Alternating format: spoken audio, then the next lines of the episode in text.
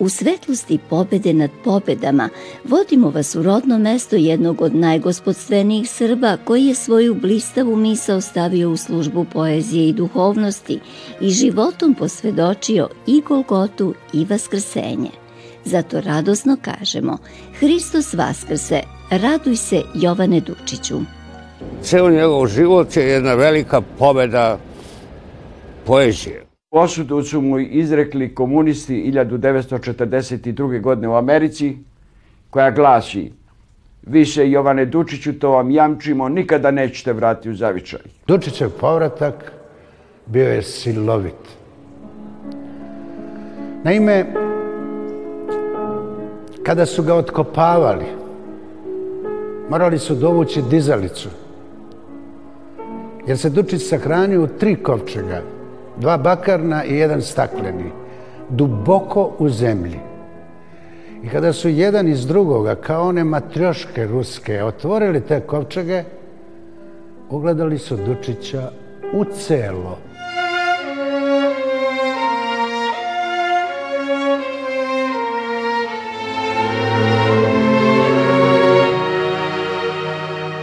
Sve što živi povezano je dubokim i divnim vezama, Čovek i zvezde, naša srca i kruženje beskonačnog broja svetova. Sugeriše i ova priča u kojoj vas povodom 150-godišnjice rođenja jednog od najvećih pesnika srpskog jezika Jovana Dučića vodimo u njegovo rodno, kako je govorio, Milo Trebinje.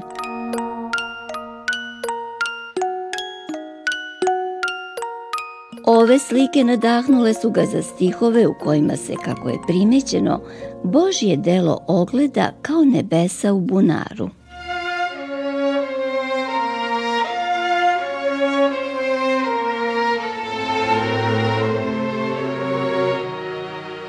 Trebinje je grad od izuzetnog značaja među gradovima Starog Srpskog carstva. Dušan je ovde dolazio da pregovara sa Dubrovčanima, a kraljica Jelena Anžujska, majka Dragutina i Milutina, imala je ovde na Trebišnjici svoj dvor. Odavde je lep deo svojih divnih pesama sakupio Vuk Karadžić. Ovde je prvi put posle Kosova ušla srpska vojska 1918. da vrati slobodu jednom narodu na krst razapetom. Tako je knez srpskih pesnika Jovan Dučić pisao svom voljenom gradu, kojem je zaveštao sve što je stekao i kao pesnik i kao diplomata. Počev od vredne zbirke kamene plastike, pretežno iz Italije, preko svoje biblioteke sa 5427 knjiga, rukopisa svojih književnih dela, korespondencije, dnevnika, pa do spomenika koje je uspeo da realizuje po sobstvenim nacrtima. Nije se mogao bolje potrošiti jedan život, rekao je za Dučića Milan Kašanin. On je prošao put od učiteljske i trgovačke škole do ambasada i dvorova. Od paganstva do hrišćanstva, od orijentalne lenjosti do evropske discipline, od epske poezije do modernog evropskog pesništva. Ceo njegov život je jedna velika pobeda poezije. On je krenuo iz Sombora preko Mostara, učiteljevanja u Bijeljini, ali se nije zaustavio ni ambasadama u Sofiji, ni u konzulatima u Atini i Kairu, ni ambasadi u Madridu, dok nije došao do zvezda. Vrlo rano je počeo da crta svoj spomenik. I kitio svoje rodno mesto Trebinje, govoreći da on nije rođen u selu, nego je on plemić i da u njegovoj krvi ima neka velika i visoka civilizacija. Rano je proglašen i knezom peseka. Imao je mnogo i protivnika, ali ih je, kako je sam rekao, podavio u kapi masila. Bio je prognan iz svog rodnog mesta koje je okitio spomenicima Njegošu i herojima i mučenicima Prvoga svetskog rata. Hteo je da naknadno učini ubedljivim grad u kome se on rodio. Kupio je predsedniku opštine Trebinje jedan auto da on izgleda kako dolikuje takvome gradu. Ne znam da se taj gradonačelnik zvao Tupanjac, kako se zvao ovaj zadužbinar koji je podigao Gračanicu iznad Trebinja u kojoj je on triumfalno sahranjen.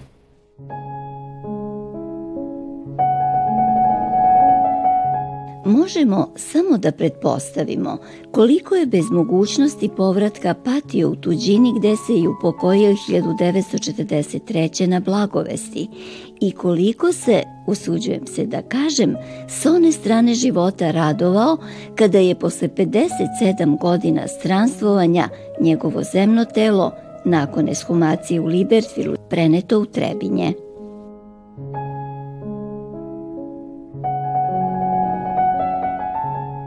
Kad je umro 1943. godine, mislili su da će rad biti brzo završen i da će on uskoro biti prenet u Trebinje.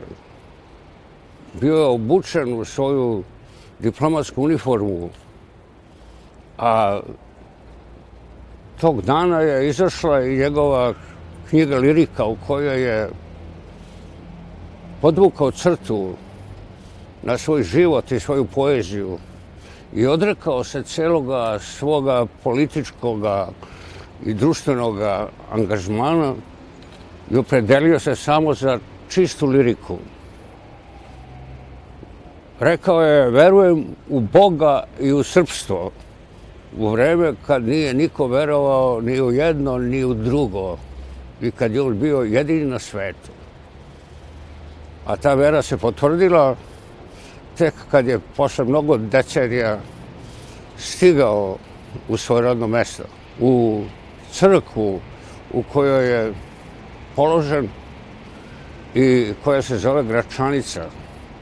Tako da je celo njegovo Trebinje postala porta njegove grobne crkve.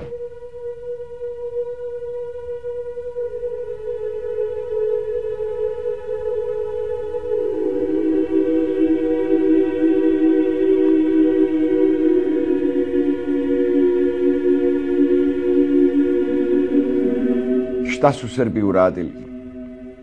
Oni su ga položili i pripremili za povratak u zavičaj po njegovom testamentu, smatrajući da to tako dugo neće proći. A onda su ga položili u jedan ovaj, bakarni sarkofag i kad su saznali 46. godine da ni tada otačbina neće svoga pjesnika, onda su još jedan bakarni sarkofag i sve to položili u jedan armirano-betonski bunker za koje niko nije znao šta se sve krije ispod tog spomenika na kome postoji stih iz njegove pjesme o povratku. Kad moj prah tvorče pređe u grumen zemlje užežene, tad neće biti međe između tebe i između mene. Na grudima Jovanovim Ktitor Branko Tupanjac je ugledao njegovu posljednju zbirku, najljepši Alem Kamen Dučićeve poezije, liriku, koja je izašla na sam dan njegove smrti.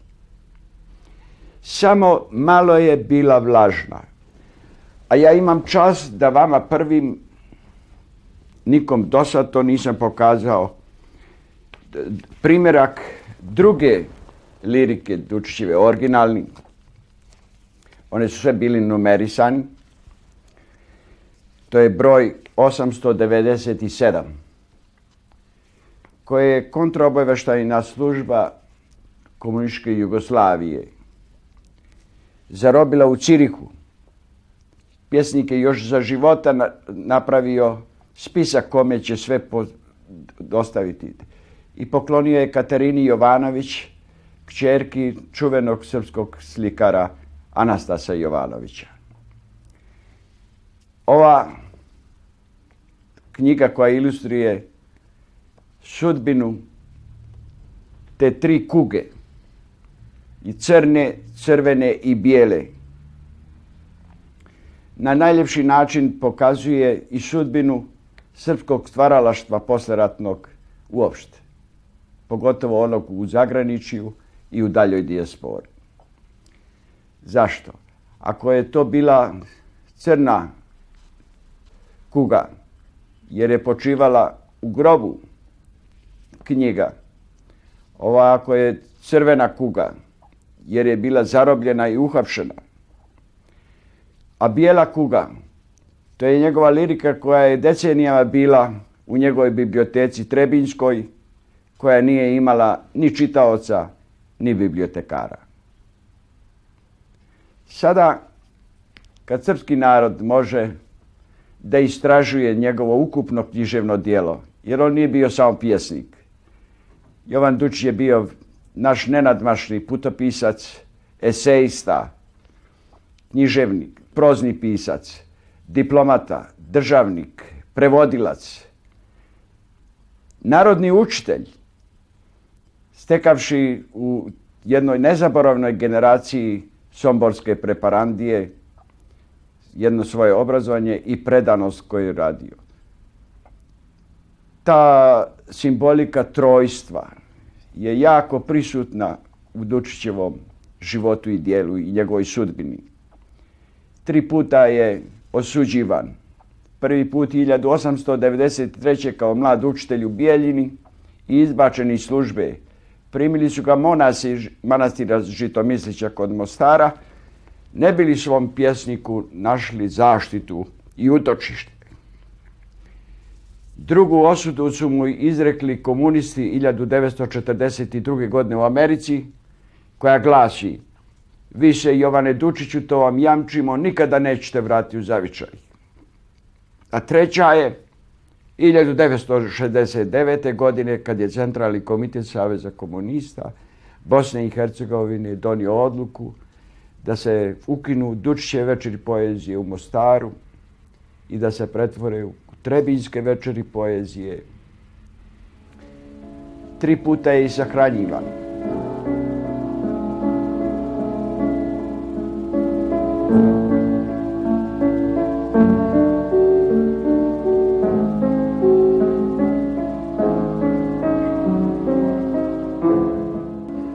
je sahranjen jer je umro u Geri u Indijani, gdje je utočište našao kod svoga rođaka Mihajla Dučića, na Blagovesti 1943. godine i sahranjen je tu, u tom gradiću, na groblju simboličnog imena Kalvarija. A onda je nakon nekoliko godina prenesen u portu manastira Svetog Save u Libertvilu kod Čikaga.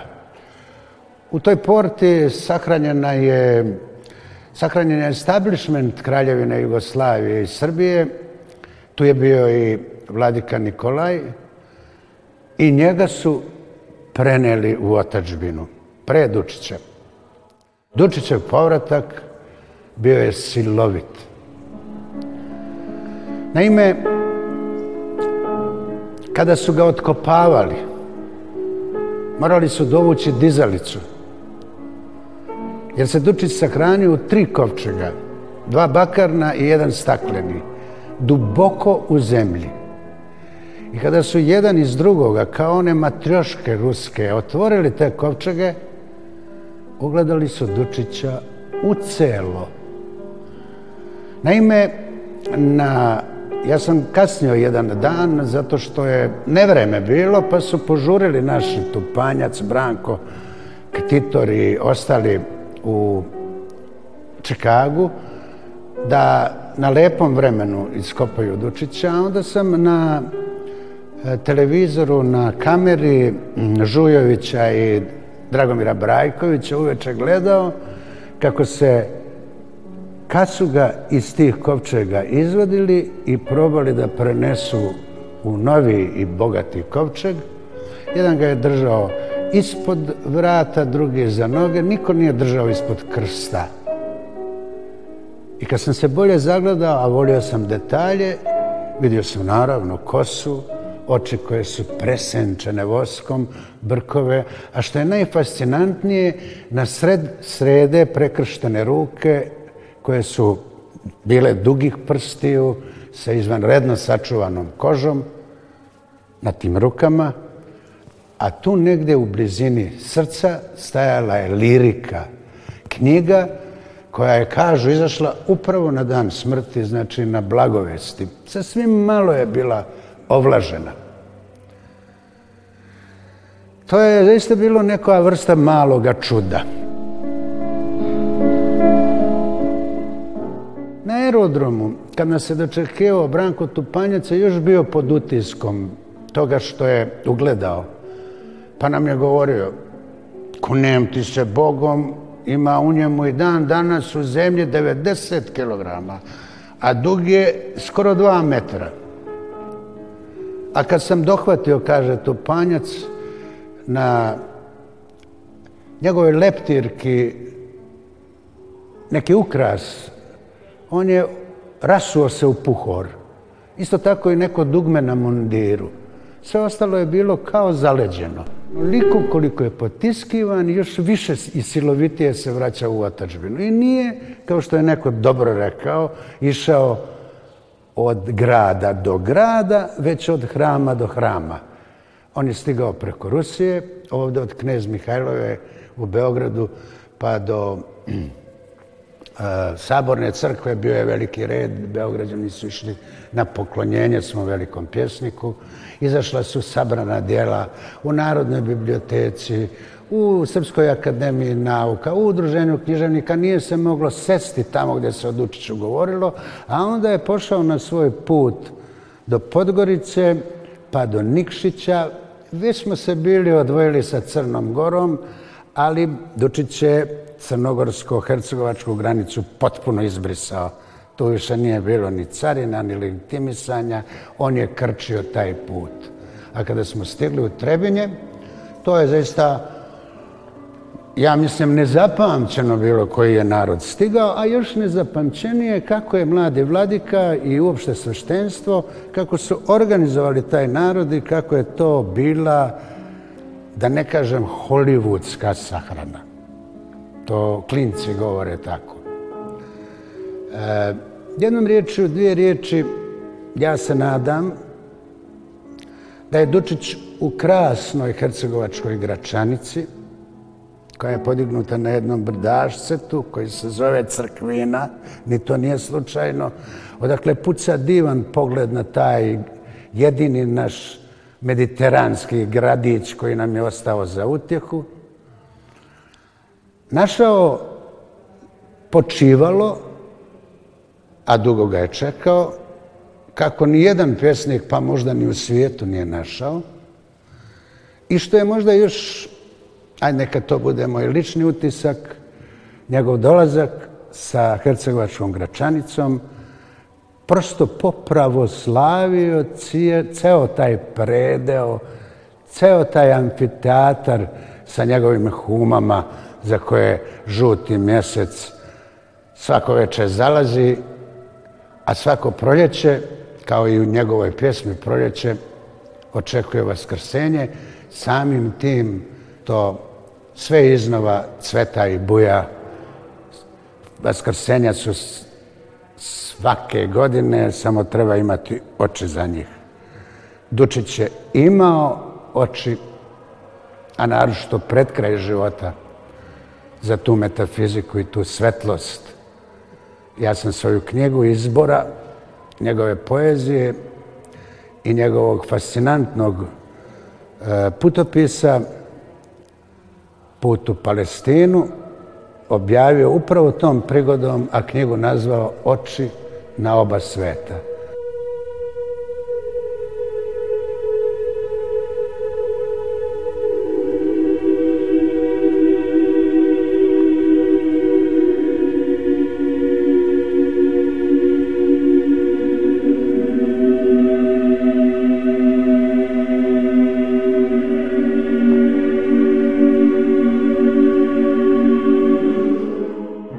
Da se vraćamo svome pjesniku koji nikad nije otišao iz nas, jer je živio kao najljepši spomenik kulture na našim usnama, da smo pamtili njegove stihove.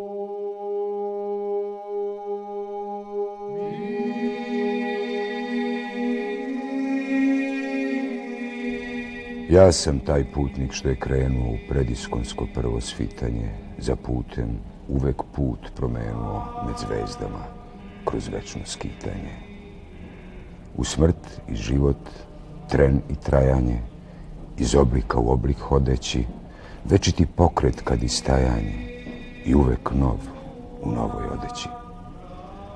U oluj sunce i u mrakove, kao reč čista nekad bačena, svih praoblika noseć znakove, s kraja do na kraj nit provlačena. Sejač i seme, reč i obličje, od prapočetka isto načelo, zakona istih hladno zatočje jedno u svem što se začelo.